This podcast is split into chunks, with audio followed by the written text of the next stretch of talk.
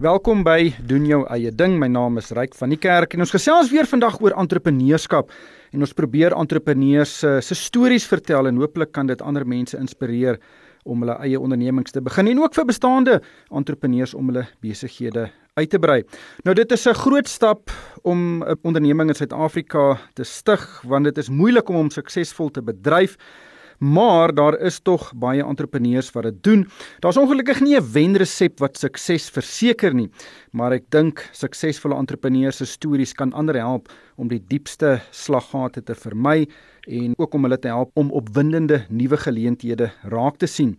My gas vandag is Dr. Dawie van der Heever. Hy is die eienaar van die firma VDH Industrial Hygiene wat fokus op onder meer beroepsgesondheid en nywerheidshigiëne Die besigheid is in Bloemfontein daar in die Vrystaat gesetel.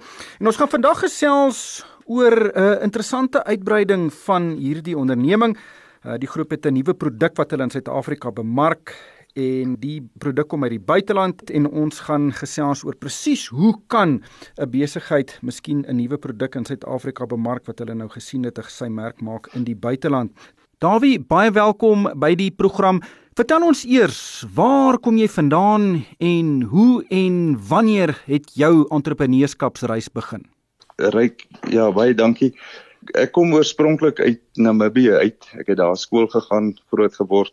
Ek het later kom klas gee in Suid-Afrika in Bloemfontein en toe het ek myself slim gehou en gesê ek kan beter doen as ek my eie besigheid begin en ek het uh, nie regtig geweet wat vir my wag nie, maar ek het dit nogtans gedoen.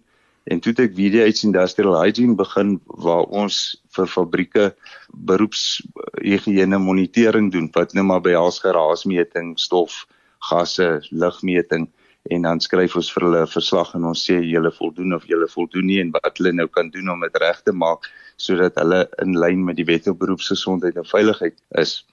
Ons het ook in 2016 het ons 'n bietjie begin swaar trek en het ek toevallig twee groot vragmotors gehad. En het ek besluit om hierdie vragmotors nie in die stoor te los nie, maar hulle op die pad te sit. En aanvanklik het ons baie goed gedoen. Later het ons minder goed gedoen, maar die manne in die vervoerbedryf sal weet, jy doen nou nie heeltyd net goed nie. Jy doen so vandag goed en môre 'n bietjie swakker en dan doen jy weer 'n bietjie beter en so gaan dit aan. En dit is waar hierdie soeke na verskillende produkte gekom het in die vervoerbedryf want die vervoerbedryf het geweldig baie probleme en uitdagings wat 'n mens die hoof moet bied. Ja, die vervoerbedryf is 'n baie moeilike een. Wanneer het jy begin met VDH Industrial Hygiene? Ek het in 1996 met VDH begin, ja. En die vervoer gedeelte hardloop nou so vir die afgelope 8 jaar. En hoeveel mense werk daar? Ons het op die oomblik het ons seker so 5 in die laboratorium en omtrent 10 drywers wat wat trokke bestuur. So dis 'n tipiese klein onderneming, maar julle is besig om regtig julle merk te maak in 'n baie interessante bedryf. Hoe groot is hierdie mark in Suid-Afrika vir al die higiëne deel daarvan? Ryk, ek dink dis 'n dis 'n taamlike mark. Dit het 'n klein bietjie afgeskaal nou met COVID. Baie van die kliënte sê vir ons sê dat hulle meeste van hulle geld gebruik het om maskers en saniteermiddels aan te koop. Maar die lekker van hierdie mark is dat die wet staan basies agter jou en die wet verplig die persoon om dit te doen. Hulle is nou nie altyd baie gelukkig om dit te doen nie. Jy weet, dis soos wat ek en jy belasting betaal. As ek 'n keuse gehad het, het ek dit nie gedoen nie, maar ek moet dit nou ongelukkig doen, so nou doen ek dit maar. Almal wat 'n fabriek het of wat 'n besigheid het, moet dit volgens wet laat doen. Almal doen dit nie regtig nie. Ons vind sou departement van arbeid en in in diensneming nou meer inspeksies uitvoer, dan sou ons sekerlik nou al baie ryker gewees het. Maar hoofsaaklik is dit die mense wat in die uitvoerbedryf betrokke is. Hulle het nie 'n keuse nie. Hulle moet hierdie goed doen om aan hulle produkstandaarde te voldoen. Maar kom ons gesels oor hierdie nuwe produk wat jy nou in Suid-Afrika bemark. Dit is 'n produk wat jy installeer in 'n in 'n voertuig en dan voor 'n persoon nou hierdie voertuig kan aanskakel en wegry, moet uh, hy of sy nou blaas in hierdie toestel en as daar alkohol in die asem is, dan sal die voertuig nie aanskakel nie. Vertel ons van hierdie produk en presies op wie dit gemik is. Ryk, omdat ons nou met drywers te doen het op 'n daaglikse basis, jy weet, en drywers het baie uitdagings het ons gevind een van van ons drywers het in 'n ander vragmotor vasgery en die bewering was dat die persoon onder die invloed was. En toe moes ons begin kyk hoe gaan ons dit verhoed? En die eerste maklike opsie was dat aan die einde van 'n naweek wanneer die drywers terugkom, laat ons nou maar elke drywer blaas in 'n gewone alkoholtoets instrument. En as die drywer dan nou reg is, kan hy inklim en ry, maar daarna het jy nie veel beheer oor wat die persoon gaan doen nie. So hy kan nou vir hom weer 'n paar biere koop en hy kan so rustig kan hy die pad vat met sy ses pak bier. In dieselfde tyd het Dreiger na ons toe gekom en gevra of ons nie wil na van die produkte kyk wat hulle nie so sterk op. Wie en wat is Dreiger? Dreiger is 'n internasionale maatskappy wat se hoofkantoor in Duitsland is. Hulle is die kan ek maar sê van die voorste mense in die ontwikkeling van gasdeteksie toerusting of alkoholdeteksie of narkotiese middeldeteksie. Hulle hulle fokus absoluut daarop om deteksie toerusting te maak waarmee jy kan alkohol toets. Jy, jy sal byvoorbeeld nou weet dat die verkeersbeamptes in Suid-Afrika gebruik ook 'n sogenaamde dreiger toestel waarmee hulle jou kan toets langs pad en as jy daar oor die limiet is, kan jy direk vervolg word en hoeveel hulle nie bloed te trek nie wanneer die dreiger toestel word wêreldwyd as akkuraat genoeg beskou om dan nou vervolging te laat plaasvind. So toe nader dreiger nou vir julle oor hierdie produk. Ja, hulle vra toe of ons kan kyk in hulle reeks want ons ons verkoop reeds van hulle produkte of daar nie iets anders is wat ons ook kan bietjie meer op fokus nie en aangesien ons nou in die vervoerbedryf is staan hierdie ding toe vir my lekker sterk uit. Wat dit basies is is dis soos 'n gewone alkoholtoetsapparaat wat jy in enige voertuig kan installeer. Die bestuurder van die voertuig moet dan blaas in die apparaat en sou hy skoon wees, geen alkohol in het nie, sal die voertuig aansit en dan kan hy ry. Sou hy 'n bietjie alkohol in hom het, dan gaan die voertuig nie kan aanskakel nie. Nou, miskien moet ek net eers sê waar lê een van die groot vangpunte in hierdie hele ding. En hoe hoe gaan 'n mens geld bespaar met dit? En veral ook die versekeringsmaatskappye.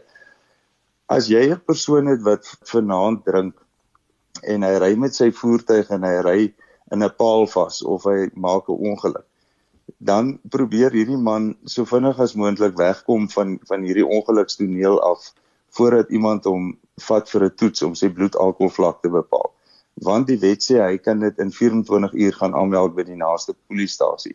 Hy kies dan om môreoggend dit te gaan aanmeld. Nou môreoggend is sy bloed skoon en hy nie meer alkohol in hom nie. Intussen gaan hierdie man nou en hy stel 'n eis by die versekerings in. En hy sê ek het per ongeluk nie gekyk wat ek doen nie en ek het 'n paal of 'n ander voertuig vasgery. Of so was 'n hond in die pad.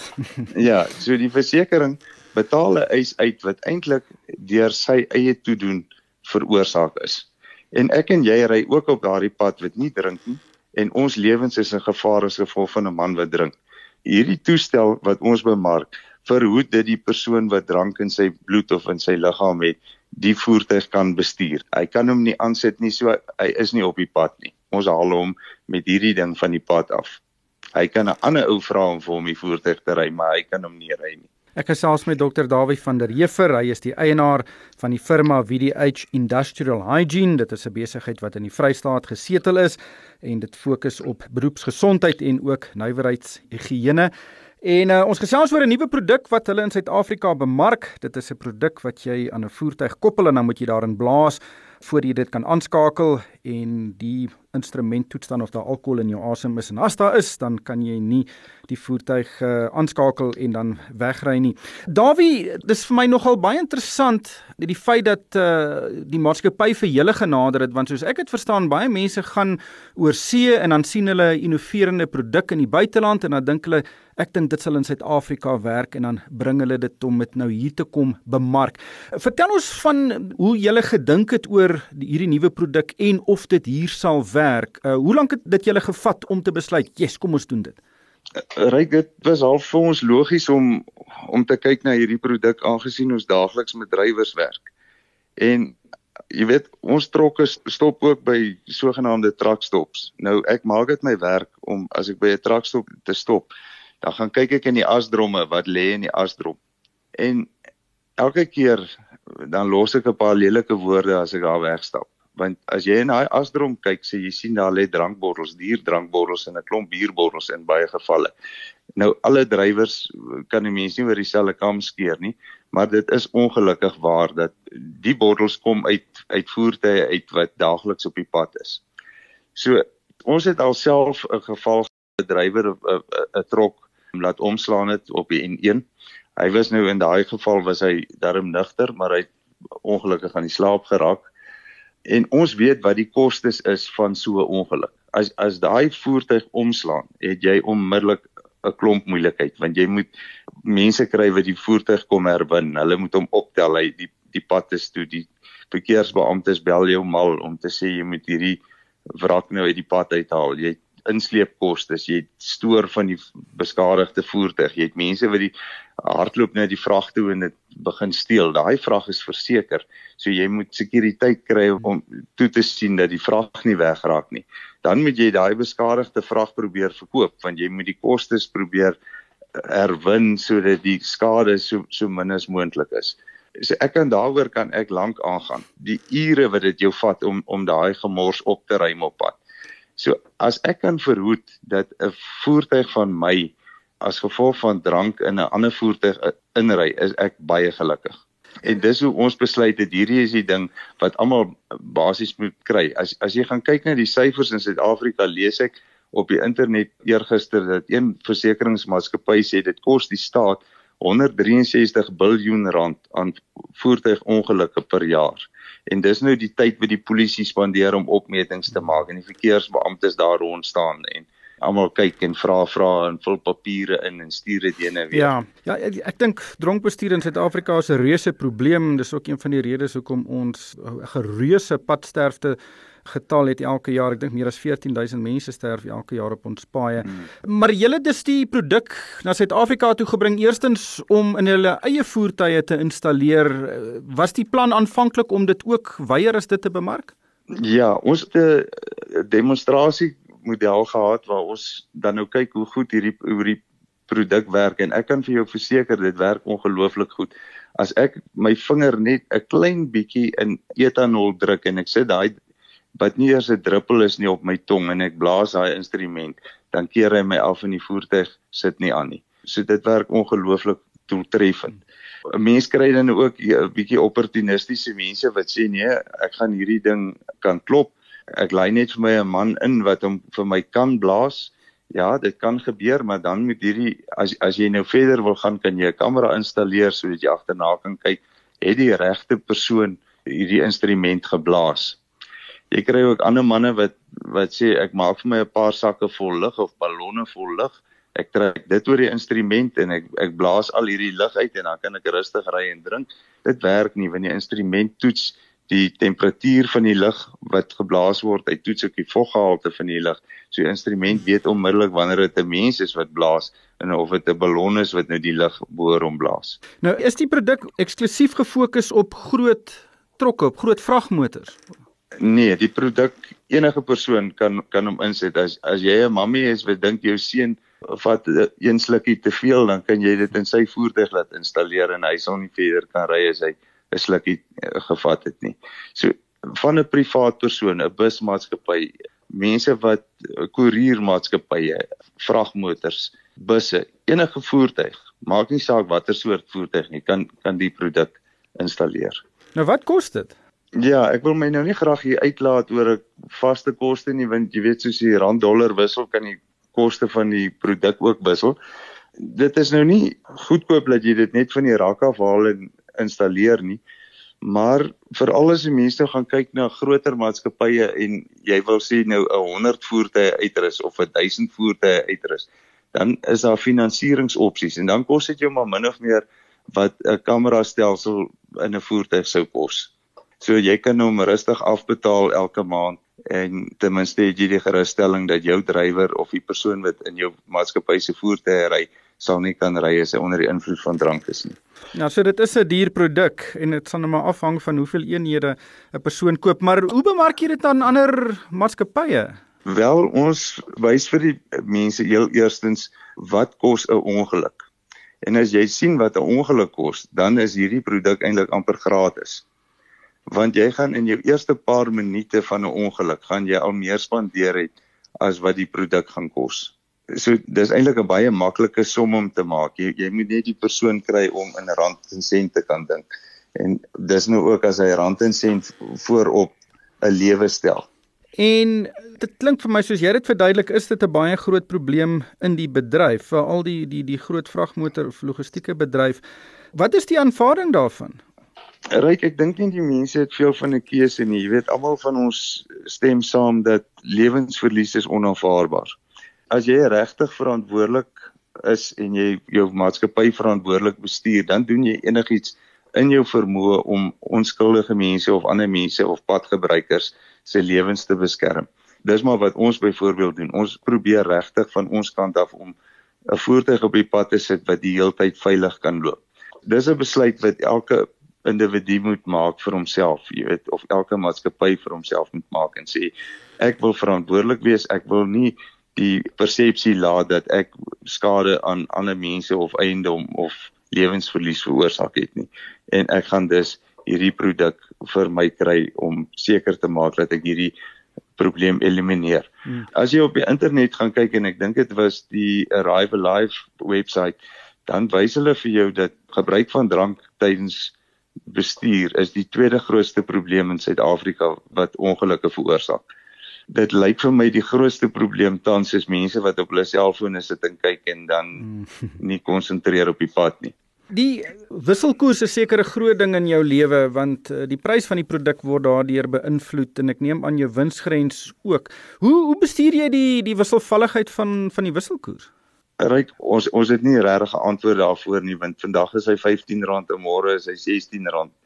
Maar wat ons wel probeer doen is om te kyk hoe meer van hierdie eenhede 'n 'n kliënt kan aankoop, hoe goedkoper kan ons dit vir hom maak. Ons kan hom probeer afslag gee sodat dit vir almal daarom die moeite werd raak en hy die uh, wisselkoers daarmee kan probeer klop. Nou wat sal jou raad wees aan ander entrepreneurs en ander besighede wat ook dalk uh, produkte wat in die buiteland vervaardig word na Suid-Afrika toe te bring en hier te begin bemark. Wat wat was jou aanvanklike grootste probleme wat jy ervaar het en hoe het jy dit oorkom?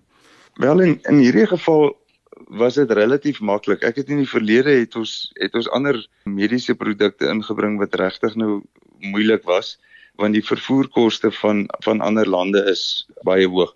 Hier word ons hand mooi gevat deur 'n uh, eh, dreiger Suid-Afrika wat al daardie kostes absorbeer en dit so goedkoop as moontlik maak. So ons het basies die produk in Suid-Afrika en ons kan hom bloot gaan bemark aan die en verbruiker. So so dit help baie my raad sou dus wees as jy 'n uh, 'n maatskappy wat jy weet 'n goeie naam het en wat kwaliteit het reeds in Suid-Afrika kan identifiseer dan dan haal dit baie van daardie pyn uit die somme uit. Ja, dis 'n interessante 'n uh, scenario want in baie gevalle is hulle soos jy sê, is dit duur om dit in te bring en ek neem aan dit gaan aan die aan die begin ook baie duur wees om 'n nuwe produk aan besighede te bemark. Daar kan seker ook 'n groot kapitaale uitleg wees. So hoe hoe benader mens daai aanvanklike belegging om 'n produk hier te kry en hoe lank moet jy nou wag voordat jy nou 'n wins maak of genoeg eenhede verkoop om 'n wins te maak? My raad is jy moet goeie vriende wees met die bankbestuurder. Jy nou, jy weet ons sien nou nie meer die bankbestuurder so gereeld soos soos vroeër jare nie, maar baie van ons het nog wat hulle noem 'n verhoudingsbestuurder by 'n bank. En as 'n mens goeie syfers op die tafel kan sit en 'n goeie plan kan voorlê, dan is hierdie ouens nogal bereid om om 'n ekstra tree te gee. Want wat ek nooit besef het nie is ek het altyd skuldig gevoel om om 'n paar rand te gaan leen en hulle sê vir my nee, ek moet glad nie sleg voel daaroor nie. Want hoe meer ek leen, hoe meer geld betaal ek vir hulle om om beter voertuie te ry en 'n lekker lekkerder bord kos te eet. Ja, dit is interessant dit, dat jy dit sê want ek kry weekliks seker honderde e-posse van luisteraars en een van die grootste eh, dinge waaroor baie mense kla is dat hulle kry nie finansiering nie, die banke wil nie na hulle luister nie. Hulle dink hulle die beste produk wat nog ooit ontwikkel is, maar niemand het die vertroue om in hulle te belê nie. Hoe moeilik dink jy is dit om geld by 'n bank te kry? Eh, is dit so moeilik soos wat baie mense dit uitmaak en en dink? Ryk, dit bly maar 'n moeilike ding. Jy weet, ek leen nie gra graag vir iemand iets as ek nie weet my lening is veilig nie en ek gaan dit weer terugkry nie. En ek dink die banke werk maar op basies presies dieselfde beginsel. Ongelukkig is dit so dat as jy geld by 'n bank leen, moet jy kan sekuriteit verskaf. Jy moet vir ouens kan wys dat as hierdie plan van my nie werk nie, gaan jy nie jou geld verloor nie. En hulle kyk maar gedurig daarna, jy weet, dit is ongelukkig so. In my geval ook al glimlag hulle hoe breed met my, hulle sal nie vir my geld gee as ek nie kan 'n rigsteen bied en sê sou hierdie plan nie werk nie, kan jy maar daardie huis van my gaan vat of my een of ander bate gaan opveil nie. Dit is ongelukkig die ware toedrag van sake. Ja, as jy nie die bankbestuurder kan ooreed dat dit 'n winsgewende besigheid kan wees nie, dan moet jy dalk weer gaan kyk na jou na jou syfers, want dit is maar die risiko wat banke neem. Hulle moet vertroue hê in of jy suksesvol gaan wees of nie. Dit help nie jy glo in jouself en niemand anders nie. Ja, wat wat ek sou voorstel vir entrepreneurs is ook om om meer gereeld met met jou verhoudingsbestuurder by die bank te skakel. Jy weet, leer hierdie persone ken. Nooi hulle vir 'n vir 'n koppie koffie. Gesels met hulle. Hulle begin jou verstaan. Hulle weet watter persoon kan hulle glo en watter persoon hulle nie kan altyd glo nie. Hulle het 'n baie goeie idee van wat kan werk en wat nie kan werk nie. Hulle het ook maar hulle raadgewers, hulle besluit nie individueel nie. Hulle gaan sit ook om 'n tafel met ander kollegas wat soortgelyke ervarings al gehad het. Maar hoe, hoe beter jy hierdie persone ken, hoe makliker raak dit om met hulle in gesprek te tree.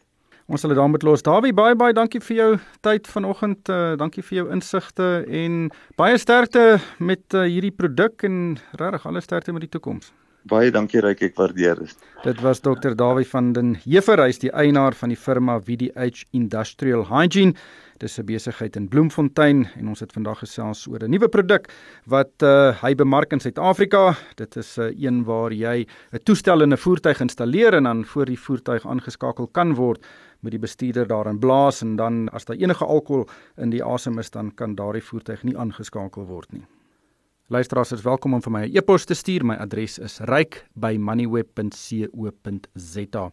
En daarmee moet ons groet van my ryk van die kerk en die Moneyweb span. Dankie vir die saamluister.